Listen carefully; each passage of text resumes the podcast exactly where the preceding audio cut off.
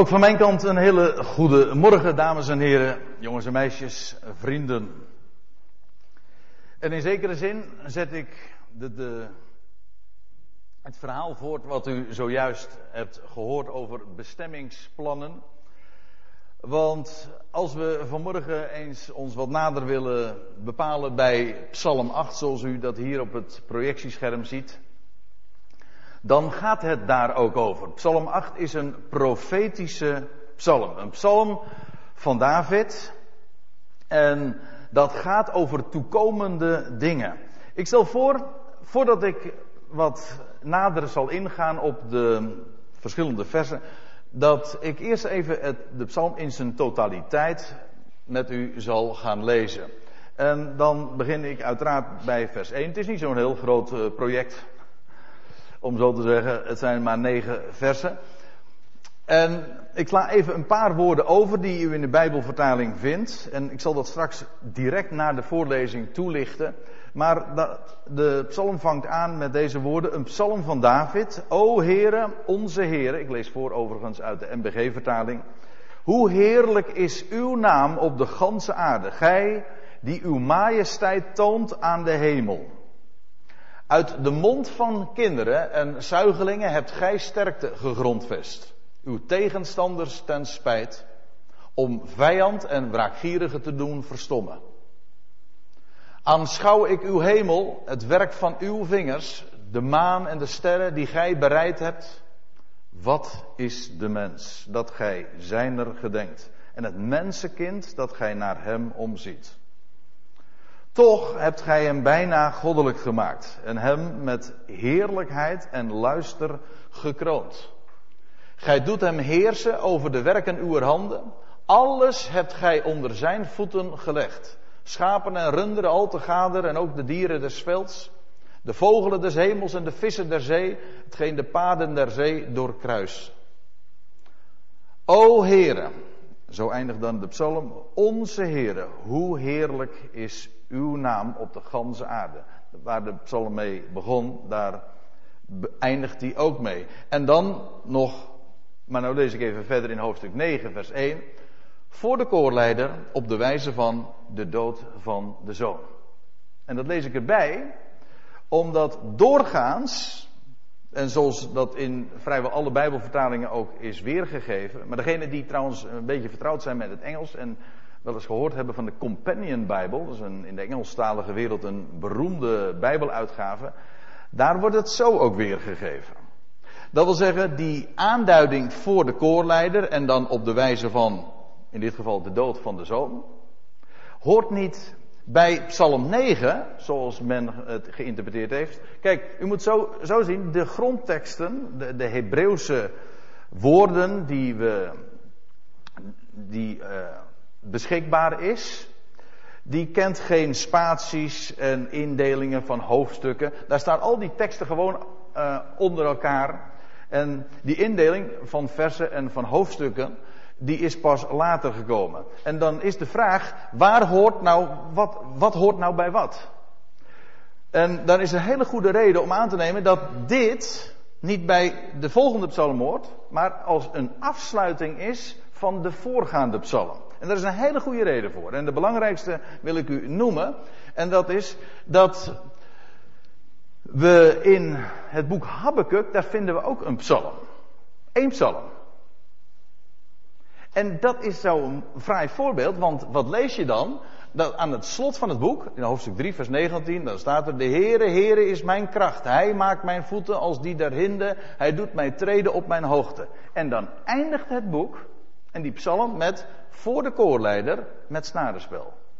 Die aanduiding van voor de koorleider met snarenspel, hier kan niet op het navolgende uh, slaan, want dat, er is geen navolgend.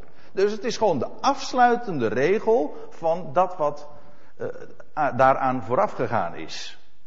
En dat is een hele belangrijke aanwijzing ook voor het boek der psalmen. Die aanduiding voor de koorleider en dan vervolgens met snarenspel of welke aanduiding nog meer, slaat op het voorgaande. Dus als we even dan teruglezen, dan is het zo dat, dat, veer, dat die woorden van hoofdstuk 9, vers 1, dat hoort hierbij. En houd hem in gedachten. Ik zal nog wel aanmerkingen gaan leveren op de vertaling die we hebben gelezen. Want uh, nou, daar zitten toch wel een paar hele cruciale fouten in. Maar hou even dit goed uh, in het vizier wat er staat. Deze psalm is gericht, is geschreven voor de koorleider. Ik ga daar nu even aan voorbij, maar dan op de wijze van de dood van de zoon. En dat is in hoge mate profetisch. Want. Nou, laat ik dan eerst maar eens beginnen bij, uh, bij het begin. We gaan de psalm zo even doorlopen. Dat kan niet al te uitgebreid, maar zodat we een, een overzicht krijgen, zo in een, in, een, in een klein uur, van deze psalm. Het begint dus met een psalm van David. Dat zijn de eigenlijke beginwoorden. Een psalm van David.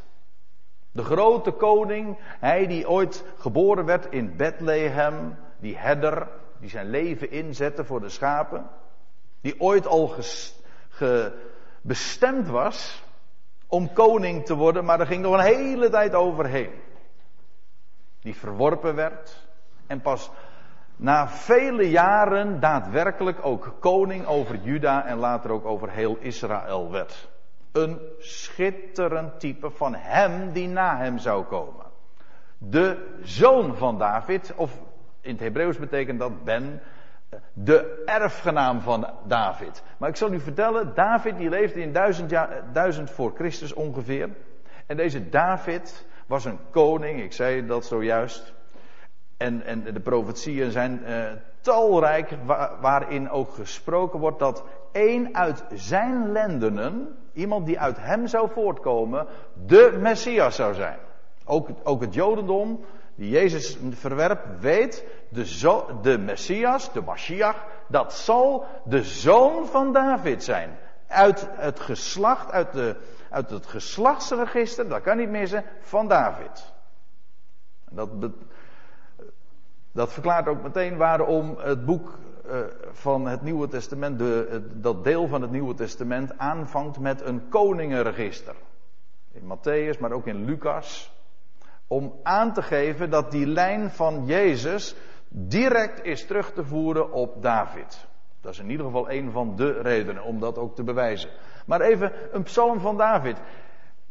Nou, dan neem ik u even mee naar, het, naar de Pinksterdag. In die, de beroemde Pinksterdag die we beschreven vinden in Handelingen 2. En daar haalt Petrus, die dan het woord voert voor een hele mensenmenigte die daar was samengekomen en samengedroomd vanwege alle wonderlijke verschijnselen die daar ter plekke plaatsvonden. En dan voert hij het woord en dan citeert hij zo, kennelijk uit het hoofd, allerlei psalmen. En dan geeft hij op een gegeven ogenblik commentaar op die citaten die hij geeft uit de psalmen. Niet psalm 8 haalt hij bij die gelegenheid aan, op psalm 16. Ook psalmen van David. En dan zegt hij, daar hij, en dan gaat het over David, daar hij nu een profeet was. In het, Hebreeuws, het woord profeet is eigenlijk een, een, Grieks, is een Grieks woord. Dat betekent letterlijk pro is voor en feet heeft te maken met zeggen tevoren zeggen, voorzegging. Daar hij nu een profeet was en wist dat God hem onder ede gezworen had. Dat doet God niet gauw hoor. Bij een paar gelegenheden lees je dat God een eed zwoer. Vier, vijf keer lees je dat in de Bijbel. Dat is trouwens heel bijzonder. Normaal gesproken belooft God gewoon. Maar als hij een eed zweert, dan roept hij ook getuigen erbij. Zodat het dubbel vaststaat. Het is met opzet dat ik het zo zeg. Dubbel, die eet. Dat God hem onder ede gezworen had, één uit de vrucht van zijn lendenen. Nou, dat is wel wat oud-Nederlands, maar de betekenis is eh, duidelijk. Iemand die uit hem voort zou komen. Uit zijn zaad, om zo te zeggen. Dat zijn hele bijbelse zegswijzen. Wel, dat God had hem gezworen dat één uit de vrucht van zijn lendenen op zijn troon zou gaan zitten. Die belofte staat trouwens nog steeds. Mijn broer Dirk die, eh, die verwees daar eigenlijk al even naar eh, toen hij het had over Jeruzalem, waar beloften voor liggen. Die stad waar nu nog zoveel tumult is en eigenlijk een kruidvat is in dat hele Midden-Oosten. Die stad, die is, dat is de stad van de grote koning. Waar de Mashiach zal regeren. Wel, dat zal iemand zijn uit de troon van, uit het geslacht van David. Dat was onder Ede beloofd. En dan staat er, die David, die een profeet was, hij heeft in de toekomst gezien. Dat zegt Petrus. Hij heeft in de toekomst gezien en gesproken van de opstanding van de Christus. De Messias. Christus is gewoon de Griekse vorm van Messias of Messias.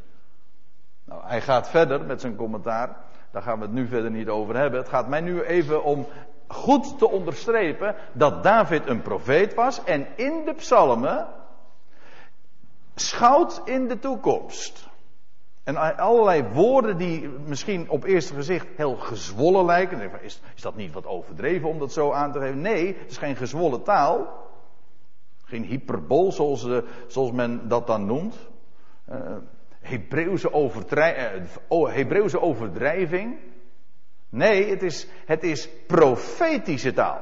Hij voorzegt. Hij heeft in de toekomst gezien en gesproken van de opstanding van de Christus. En ik zal u vertellen, ook Psalm 8 is daarop geen uitzondering. Deze psalm is wel, nou dat is heel gemakkelijk ook aan te tonen, ik zal het ook doen.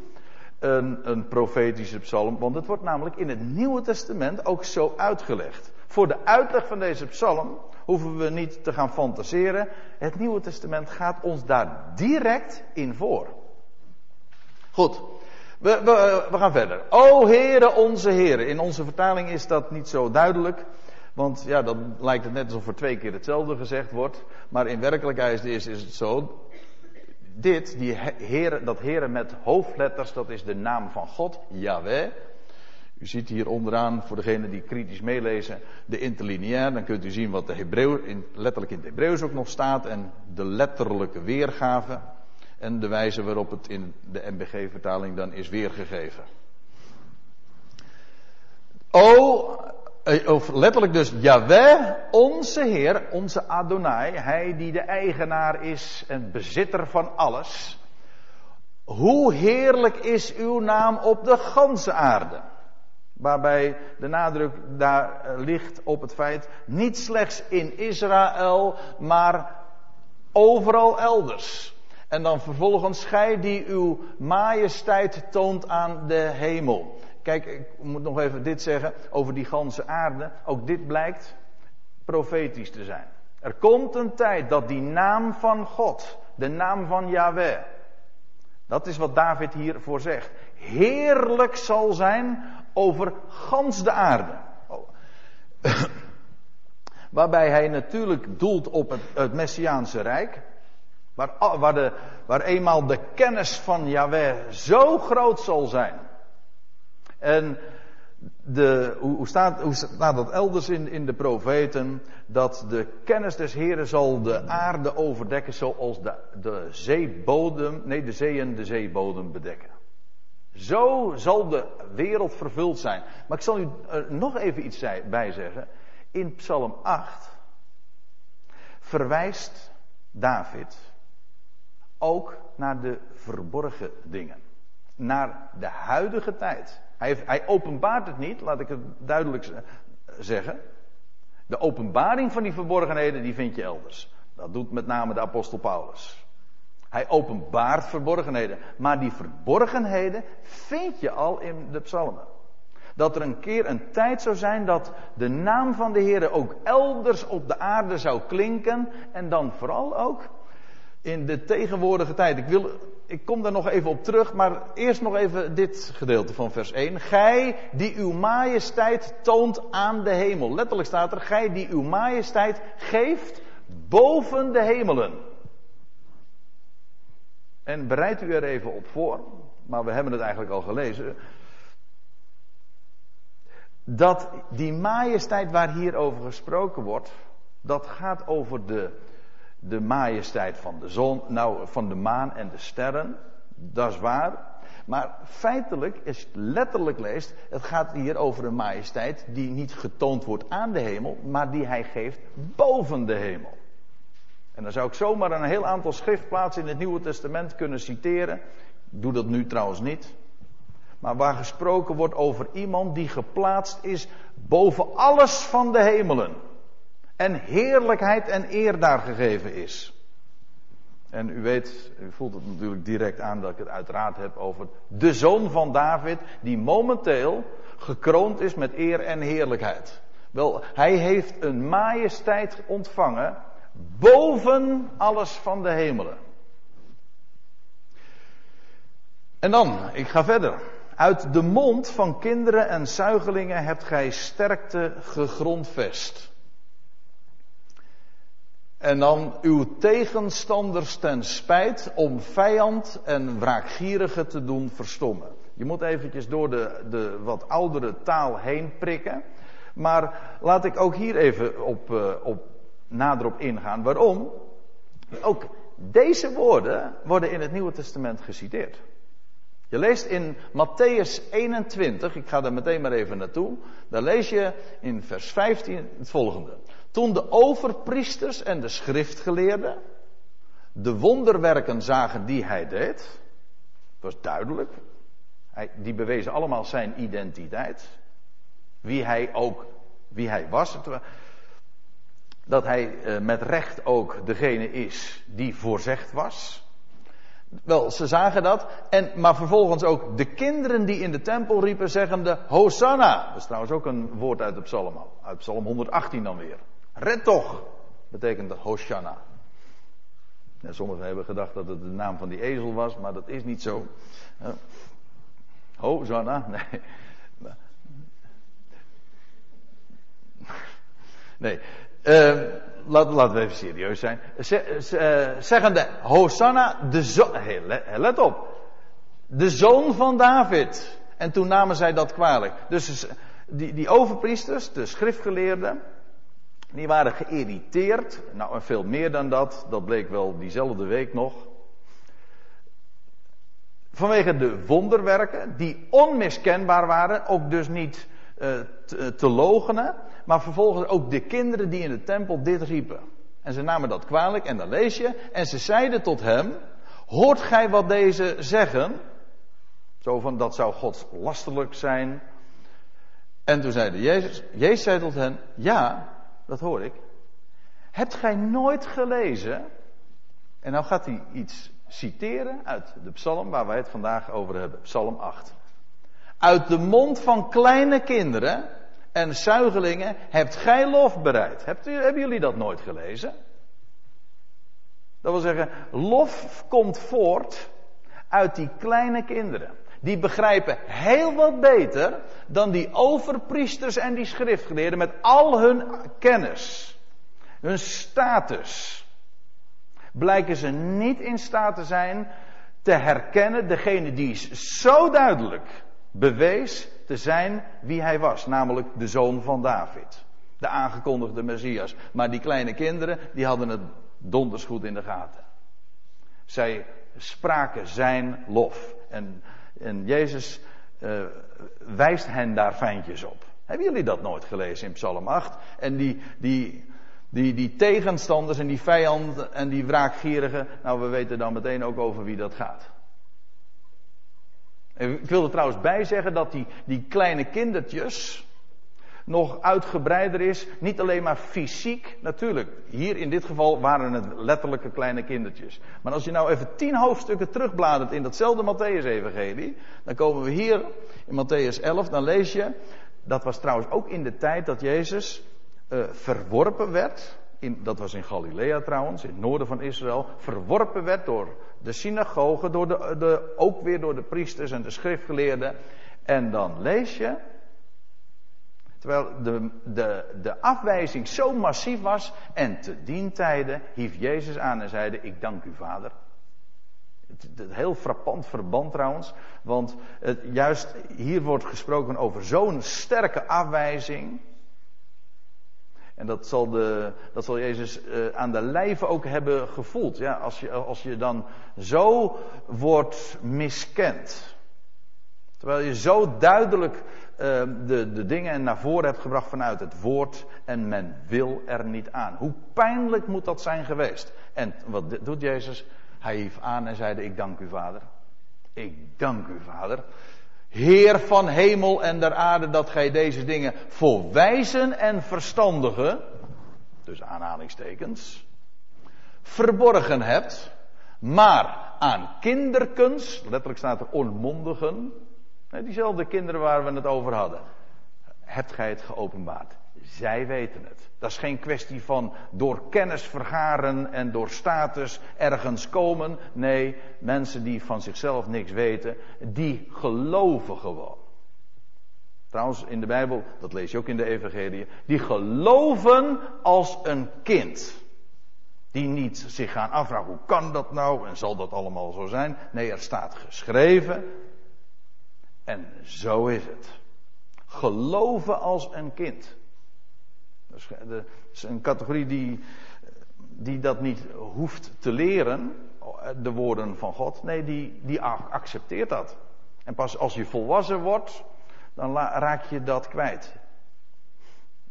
En dat is, uh, ja, dan, dan verleer je eigenlijk zulke, zulk vermogen om gewoon te accepteren. Maar het, is, het, is, het wordt een voorbeeld gesteld. Het gaat er niet om dat je niet nadenkt. Kinderen, uh, als er één soort mensen ook nadenkt en altijd maar vragen stelt, dan zijn dat juist kleine kinderen. Waarom dan?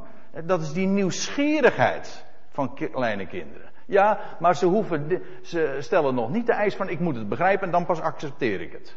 Kleine kinderen weten, eh, die weten sowieso op voorhand, ja dat begrijp ik toch niet. Maar wat zou dat? Daar kom ik wel later wel achter. Die instelling, die, die openheid, dat gewoon dat kunnen absorberen als een spons, alles tot je nemen. Dat, die, ja, dat, uh, dat geloven als een kind. Nou, ik wil daar verder nu niet uh, meer over zeggen. Ik wil er alleen dit van zeggen. Als daar in Psalm 8 gesproken wordt over kindertjes, over kinderen die hem lof bereiden, dan is dat natuurlijk letterlijk waar, maar het is ook in in de geestelijke zin waar, in die zin, zij die geloven als een kind. Ook vandaag. Ik zeg ook vandaag waarom, omdat ik geloof dat deze psalm ook juist daarover spreekt, over de huidige tijd. In de huidige tijd, ik, laat ik het al eventjes wat cryptischer zeggen, de tijd waarin het in de wereld nacht is. En daar wordt ook over gesproken in deze psalm. Aanschouw ik uw hemel, het werk van uw vingers. Dat, dat onmetelijke heelal, dat zo, dat, die, die ruimte. Nou, we hebben een paar maanden geleden hebben we daar een bijbelstudie over gehouden. Een wat controversieel onderwerp over dat uitspansel, waar dat dan staat en zo. Nou, daar gaan we nu niet nog eens een keer dunnetjes over doen. Maar het is zo wonderbaar. Aanschouw ik uw hemel, het werk van uw vingers. Moet je nagaan, hè. Dat is priegelwerk voor God. Dat geweldige heelal, die, die schier oneindige ruimte. Het is werk van zijn vingers. Niet werk van zijn handen, van zijn vingers. Dat is onze God. De maan en de sterren. U ziet, er wordt verwezen naar de nachtelijke hemel. Niet over, naar, over de zon, niet over de dag, maar over de nacht. In overdrachtelijke zin leven wij nu ook in de nacht. Eh, Aanschouw ik dat, de maan en de sterren die gij bereid hebt. Ik weet niet in hoeverre u daar wel eens uh, daar oog voor hebt. Zelf ben ik daar uh, altijd erg door geïmponeerd. Ik vind het heerlijk om zomaar bij een heldere hemel, wat in Nederland natuurlijk niet al te vanzelfsprekend is, maar om dan in de nacht omhoog te kijken en die sterren te zien. Dus trouwens, wat dat betreft is het aan te bevelen om uh, eens wat zuidelijker te gaan, want dan zie je nog veel meer. Moet je naar de woestijn gaan. Ik heb nooit de sterrenhemel zo mooi gezien als toen ik ooit een keer een, eh, een, eh, een reis heb eh, gemaakt door, door de Sinaï-woestijn. Geweldig wat je dan ziet. En dan word je zo verschrikkelijk klein. En dat is precies ook de bedoeling. Dan word je weer een kind, ja. En dan staat, wat is dan de mens? Wat is de mens? Letterlijk staat er trouwens, het, hier staat een, een, een woord, een Hebreeuws woord, enos. Dat heeft te maken met een sterveling. Wat is dan een sterveling dat gij zijner gedenkt? Als ik dat zie en je in één krimpt, zo klein wordt. En gaat realiseren, dit is creatie van zijn handen. Waarbij trouwens ook alles, nou, uh, weer uh, verwijs ik even naar wat eerder gezegd is. Dat is allemaal zo geweldig getimed. Een van de dingen waarin het, waarin het hemelruim zo indrukwekkend is, niet alleen maar de, de, de enorme ruimte die God daarin uitgespannen heeft, maar ook uh, de timing. Hoe alles perfect tot op de seconde nauwkeurig als een uurwerk draait. Dat is precies waarom de astronomische wetenschap ook zo exact is. Men weet precies wanneer de zon opkomt. Nou, dat, is op de seconde nauwkeurig allemaal functioneert. Dat is allemaal design. En dat is allemaal uh, getimed. En als je dat alles aanschouwt, dan stel je de vraag: wat is dan de sterveling dat gij zijner gedenkt? En nou gaat uh, David nog wat verder. En het mensenkind dat gij naar hem omziet. En nu kom ik even op iets waarbij ik meteen even de titel van deze presentatie, van deze studie of predikatie, net hoe je het noemen wil, uh, kan toelichten. Want u hebt gezien toen op, dit, op het titelblad dat ik deze studie uh, als, als thema had meegegeven. De Ben Adam. Wel, hier wordt gesproken in het Hebreeuws over Ben Adam. letterlijk is dat zoon van mens. Of zoon van Adam. Het, het Hebreeuwse woord voor mens, dat is Adam. Dat kan slaan op de mens in het algemeen. Het, het kan ook slaan op die ene mens, de eerste mens. Dat is een persoonsnaam. De Adam. Ja, ik ken ook nog andere Adammen. Er zitten hier zelfs Adams in de zaal. Maar ik heb het even over dan de eerste Adam. Waar de hele mensheid in feite haar naam aan ook ontleend heeft. Heel de mensheid is in hem begrepen. We komen uit, uit die Adam voort. Maar die aanduiding ja, eh, jammer dat men dat in de MBG-vertaling dan weergegeven heeft met het mensenkind, want dat klinkt te algemeen. Het is, het is Ben Adam. Dat is zoon van Adam. Die uitdrukking in, die we in het Nieuwe Testament talloze keren tegenkomen, zoon des mensen, is hier ook onder andere aan ontleend. Zoon des mensen, dat is maar niet zomaar, ja, wat is dat? Ja, we zijn wellicht gewend om die uitdrukking te, te bezigen. Ja, maar het, is een, het komt uit het Hebreeuws. Het gaat over Ben Adam. De zoon, dat wil zeggen de erfgenaam van Adam. Adam aan wie heel de schepping was gegeven. Alles was onder zijn voeten gelegd. Dat lees je al in Genesis 1. Ja, maar Adam, ook daaraan is al eh, eerder gerefereerd. Die is uit de, de, hof gezet en niet omdat er iets misging of zo hoor. Maar hij is wel uit de hof gezet omdat uiteindelijk alle kaarten weer waren gezet op de laatste Adam. Je hebt de eerste Adam en je hebt de laatste Adam. En in die Adam is eveneens de hele mensheid begrepen. Ja, dat weten de, de schriftgeleerden tegenwoordig niet, maar de Bijbel zegt daar gewoon, spreekt daarover. Heel de mensheid, zoals heel de mensheid begrepen is in die eerste Adam. Alle mensen zijn stervelingen, alle mensen zijn zondaren, dat is geen keuze, dat is gewoon een gegeven.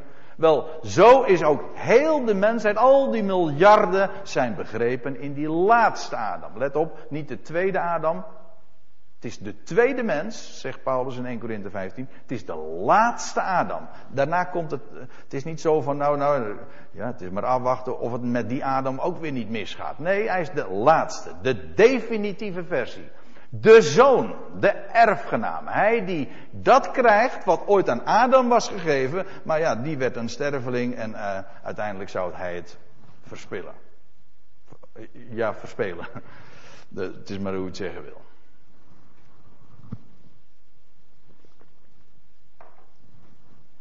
Het gaat hier over de, de Ben Adam. Een schitterende aanduiding van, ten diepste uiteraard van de Messias. Die Ben Adam, dat gij naar hem omziet. Wat is er met die Ben Adam aan de hand? Ja, en nou komen we op een, een heel lastig vers. Waarom? Omdat de NBG-vertaling het weergegeven heeft op een wijze waarvan ik durf te zeggen dat ze niet bijbels is. Gewoon naar strikt Hebreeuwse maatstaven is er wat voor te zeggen, ongetwijfeld. Maar op het moment dat we de hele schrift erbij betrekken, dan lijkt dit nergens naar. En het zet je ook op een heel verkeerd been. Waarom? Kijk, dit is wat we in de NBG-vertaling lezen. Toch hebt gij hem. En dan, dan denkt men, ja, dat gaat over het mensenkind, dat gaat over u en mij en al die andere mensen. Nee, het gaat, erover, het gaat hier over één iemand, de Ben Adam. En dan toch hebt gij hem, die ene, bijna goddelijk gemaakt, zegt de NBG-vertaling dan. Maar degene die een, een statenvertaling hebben, die eh, lezen iets heel anders. Eigenlijk een tegengestelde betekenis zelfs. Die lezen dit. En dat is eigenlijk, komt voort uit de, dit is de aanduiding van de Septuagint, dat is de Griekse vertaling van het Oude Testament. Die geeft dit weer met een weinig minder dan de engelen, de Elohim, of uh, ja, de engelen gemaakt, de goden. Ja, de betekenis is compleet anders. Hier is de gedachte, zoals de MBG dat weergeeft. Gij hebt hem bijna als God gemaakt. Nee. Maar wat er in werkelijkheid staat, en ik zal straks echt de bonnetjes geven, u moet even geduld nog hebben. Ik zal straks ook echt laten zien dat dit er werkelijk staat. Zo, dit is de gedachte, zo wordt het uitgelegd, geïnspireerd. Uh, de gedachte is niet, gij hebt hem een, eh, een, min, een klein beetje minder dan God gemaakt. Nee, gij hebt hem een weinig, een korte tijd namelijk, minder dan de engelen, Elohim, meervoud. Ik geef toe, het kan natuurlijk ook gewoon God zijn. Ik ga nu niet op de vertaaltechnische aspecten in. Ik, laat het, ik hou het eenvoudig. Ik wil u straks meenemen naar diverse passages in het Nieuwe Testament waarbij de betekenis onmiskenbaar is. En dit gaat over inderdaad die ene zoon des mensen, over Ben Adam. En deze, deze woorden worden ook inderdaad nogal eens geciteerd zo in het Nieuwe Testament. En dan staat dus deze weergave kunt u wel vergeten. Psalm 8 gaat niet over de mens in het algemeen. Psalm 8 gaat over de mens, Ben Adam, die een korte tijd of een weinig minder dan de engelen gemaakt is. En dan staat erbij, en hem met heerlijkheid en luister gekroond. Ik lees even verder. Gij doet hem heersen over de werken van uw handen. Dat is een prachtige aanduiding die we nogal eens een keer, met name in de psalmen, ook vinden van de schepping. Dat is werk, ja, over de hemelen lazen we zojuist over de zon, nee, over de maan en de sterren. Het is werk van zijn vingers. Maar de schepping in het algemeen is werk van zijn handen. Oh, dat wilde ik zojuist nog even zeggen. Ik, ik had het, uh, we hadden het over de, over de schepping, maar het was uh, even eerder van de week dat ik een uitzending op de televisie zag met een bekende conferencier. Zijn naam is Joep van het Hek. En die, uh, die was geïnterviewd door een uh, verslaggever van de EO. En toen werd de vraag gesteld. Nee, toen had hij het over uh, dat hij zo onder de indruk was. Ik, ik, zit het nu even uit mijn hoofd, ik weet niet exact meer hoe hij het gezegd heeft. Maar in elk geval, hij had het over de schepping. Ja, want hij gelooft er moet wel iets wezen. Iets. En hij sprak ook over de schepping. En toen zei die gast van de, van de EO, maar dan is er ook een schepper. Nee, nee, nee, dat, dat, dat verweert hij. En er was, uh, hij had geen problemen om te spreken over een schepping. Maar om over een schepper. Nee, dat kon niet. Ik moest lachen, want ik denk van. Uh, hoe zit dat dan met zo'n woord? Een schepping veronderstelt toch een schepper? Of ben ik nou gek? Hm? Iemand die de dingen gemaakt heeft. Maar dat ging hem uh, te ver. Maar dat is waar het ja, waar deze psalm over, over opwijst. Hè? Over de grote God, de schepper, inderdaad, van hemel en aarde. En dan wordt er gezegd, gij doet hem, en dan is het uiteraard die, diegene die minder gemaakt is dan de, de engelen, maar vervolgens met heerlijkheid en, en luister gekroond. Gij doet hem heersen over de werken uw handen. Alles hebt gij onder zijn voeten gelegd. En nou gaan we even Verder, ja, niet met deze psalm, ik moet een onderbreking maken. Waarom? Waar gaat dit over? Ik heb, ik heb het al aangegeven, het gaat hier over de Heer Jezus Christus. Maar nu ga ik het bewijzen. En het bewijs bij uitstek vinden we in Hebreeën 2. En daar gaan we dan ook meteen maar even naartoe. Daar lees je dit. En ik val midden in het verband. Daar lees je dat de schrijver, die zijn naam niet bekend maakt, dus we laten het maar even over de schrijver, op de, de schrijver van de Hebreeënbrief. Iemand heeft ergens betuigd, schrijft hij. En hij, en ik kan u verklappen, hij gaat nu spreken over David. Die iemand is David. En ergens, dat is Psalm 8. Zeggende, en nou gaat hij citeren. Wat is de mens dat gij zijner gedenkt, of des mensen zoon dat gij naar hem omziet? Die Ben Adam, weet u nog? En nou komt het. Gij, dit is nog steeds het citaat. Gij hebt hem, die mensenzoon, voor een korte tijd beneden de engelen gesteld. Met heerlijkheid en eer hebt gij hem gekroond. Alle dingen hebt gij onder zijn voeten, ge, onder zijn voeten onderworpen. Die gij is uiteraard Yahweh. En die, die hem, dat is Ben Adam, de mensenzoon. En hier ziet u dat als de schrijver van de Hebreeënbrief Psalm 8 citeert, dan heeft hij het niet over bijna goddelijk gemaakt. Nee, dan zegt hij, dit is wat, dit is wat er staat in de psalmen.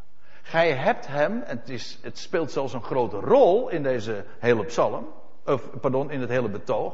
Het is maar niet iets wat, nou ja, wat uh, arbitrair is of wat verder niet zo belangrijk is. Nee, dit is heel cruciaal, want om erachter te komen over wie het gaat, ja, is de, deze zinsnede buitengewoon belangrijk. En hier zegt de schrijver, dit is wat er staat. Trouwens, de Joden in het buitenland wisten dat allemaal. De, want toen de tijd, de Joden die geen Hebreeuws kenden, die hadden allemaal een Septuagint. Dat wil zeggen de Griekse vertaling van het uh, Hebreeuwse Oude Testament. En die lazen allemaal dit. Dus de schrijver van de Hebreeënbrief hoefde dit ook helemaal niet toe te lichten. Dit was gewoon bekend. Gij hebt hem voor een korte tijd beneden de engelen gesteld. Met heerlijkheid en eer hebt gij hem gekroond. Alle dingen hebt gij onder zijn voeten onderworpen. Nou, en dan gaan we naar het commentaar.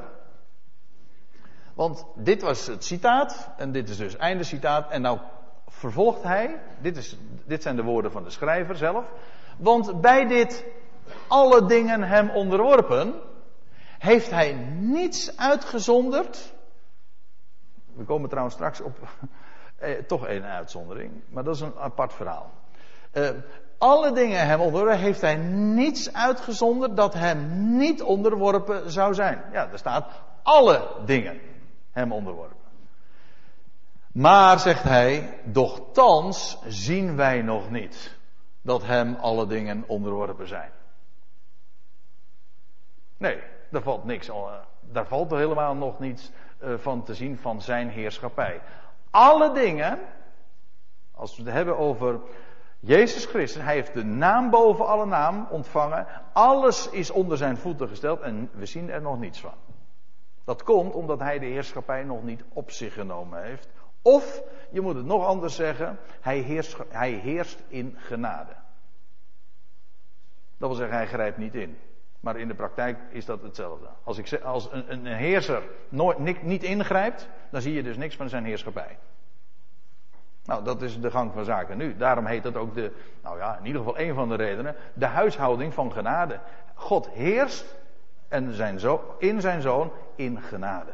Hij grijpt niet in. Hij oordeelt niet. Hij voert geen gerichten uit. Daarom, wij zien nog niet alle dingen hem onderworpen. Het is verborgen. Wij zien het niet. Dat is trouwens dat is ook weer een verwijzing naar de nacht. Waar de vorst der duisternis heerst. Eigenlijk die maan. Die heer, dat lees je al in Genesis 1. De, de, de zon wordt gesteld tot heerschappij over de dag. En de maan wordt gesteld tot heerschappij van de nacht. De maan is, om zo te zeggen, de nachtvorst. Dat is wel aardige zo, hè? in deze tijd van het jaar om het zo te zeggen. De vorst van de nacht. Hij die heerst in de nacht. In, in de duisternis. Wel, daar gaat het over. Over in deze tijd. Er is iemand aan wie alles is onderworpen en waarvan nog niets te zien is. Ook dat is allemaal bij by design. En, maar wat zien we dan wel? Nou, dat zegt de schrijver gaat dan verder. Maar wij zien Jezus. In de naam van Jezus zit trouwens ook die naam van Yahweh. Ja, Jezus betekent Yahweh red. Maar wij zien Jezus, en dan komt, gaat hij iets tussen haakjes zetten, iets even een tussenzin. Die voor een korte tijd beneden de engelen gesteld was. Aha, hebben we het weer. Een weinig minder dan de engelen. Waar gaat het over? Nou, de schrijver zegt dat is gewoon vanwege het lijden des doods. Hoezo een weinig minder dan de engelen? Wel, engelen sterven niet. Engelen gaan niet dood. Dus als hij minder dan die zoon des mensen, als hij een korte tijd, een weinig minder, hij is niet lang, het is maar een paar dagen geweest. Hij is een weinig, een korte tijd beneden de engelen gesteld. Engelen, die ondergaan dat niet. Die, hebben, die kennen dat verschijnsel van het lijden des doods niet. Dus als hij onder de engelen gesteld is, dat duidt erop, hij stierf. Of hij is dood geweest voor een korte tijd. Daarom, die voor een korte tijd beneden de engelen gesteld was. Vanwege het lijden des doods. Daar gaat het over. Dus als de schrijver van Psalm 8, David dus, spreekt over hem die na hem zou komen, de zoon van David, ook de zoon van Adam, de Ben-Adam, dan gaat het over Jezus. Die inderdaad voor een korte tijd, een weinig minder dan de engelen, is gemaakt. Vanwege het lijden des doods. Een korte tijd, want drie dagen later verrees hij uit het graf. Er staat trouwens nog bij, hoezo vanwege het lijden des doods, opdat hij door de genade Gods voor een ieder. Ik had dat ook met kapitaalletters vet gedrukt kunnen weergeven. Opdat hij door de genade Gods voor een ieder de dood zou smaken. Waarom moest hij sterven? Wel om, om op te kunnen staan uit de dood. Om sterker te zijn dan de dood. Daarom. Hij bewees sterker te zijn, oftewel de overwinnaar te zijn van de, en over de dood. En hij heeft voor ieder die dood gesmaakt. Ook hierin zie je al eigenlijk aangegeven waarom hij de Ben Adam is. Alle mensen zijn in hem begrepen. Dat is Gods genade. Dat is zo'n geweldige, ja, dat is een geweldige boodschap. Dat is het goede bericht. Dat is de blijde tijding. Dat is precies wat God aan de, mensen, aan de mensheid heeft mede te delen. Ja, dat zijn liefde. Ik ben, ik ben jouw God. Ik heb alles in mijn handen. Ik beschik alles. Ik inderdaad, ik heb een bestemmingsplan. Waar niets buiten valt. Het gaat perfect getimed, zoals dat aan de hemel ook gaat. Alle, nu zie je nog niks, het is inderdaad nacht. Maar er zijn mensen voor wie de ogen al geopend zijn en die zien hem. Die zien hem zitten. Ja, die zien het zitten. Ja, wij, zijn, wij zien het zitten, want wij kennen God. Wij weten, er gaat niets mis. Alles komt daar waar hij het hebben wil. Wat zijn liefde wil bewerken, ontzegt hem zijn vermogen niet. En of je het nou gelooft of niet, dit is, de, dit is geen oproep, dit is geen, geen vraag, dit is ook geen vermaning, dit is een mededeling. Gisteravond hadden we een feestje. Toen hadden we nog een hele leuke discussie, nietwaar Petra? Of nou geen discussie, een gesprek met een aantal mensen over deze dingen. Dat ging inderdaad over de essentie van het evangelie. En wat je dan doet, eigenlijk, dat, dat, dat vind ik zo geweldig. Uh, je herinnert mensen eraan dat God God is. Eigenlijk is het een open deur in trappen. Als ik zeg van ja, André is André, ja, dat is eh, dat begrijp ik ook wel. Maar om mensen erop te wijzen, God is God. Toen viel ook nog eventjes de woorden zeg van ja, zou het misschien niet zo zijn dat God probeert uh, mensen te trekken? En toen zei ik, uh -uh. ik zeg, God proberen? We hebben het over een almachtige. En ineens, toen, toen zag ik in de ogen, en van ja, inderdaad, wat heb ik gezegd? Een mens voelt aan, daar kan je, God probeert toch niet. God doet. Hij beschikt. Hij, heeft de, hij laat niet varen het werk van zijn handen. Wat dacht je wat? Het is werk van zijn handen, daar kom je niet aan. Misschien laat hij het los, maar dat is ook allemaal gepland om, om dingen te bewijzen. Alles past in zijn plan.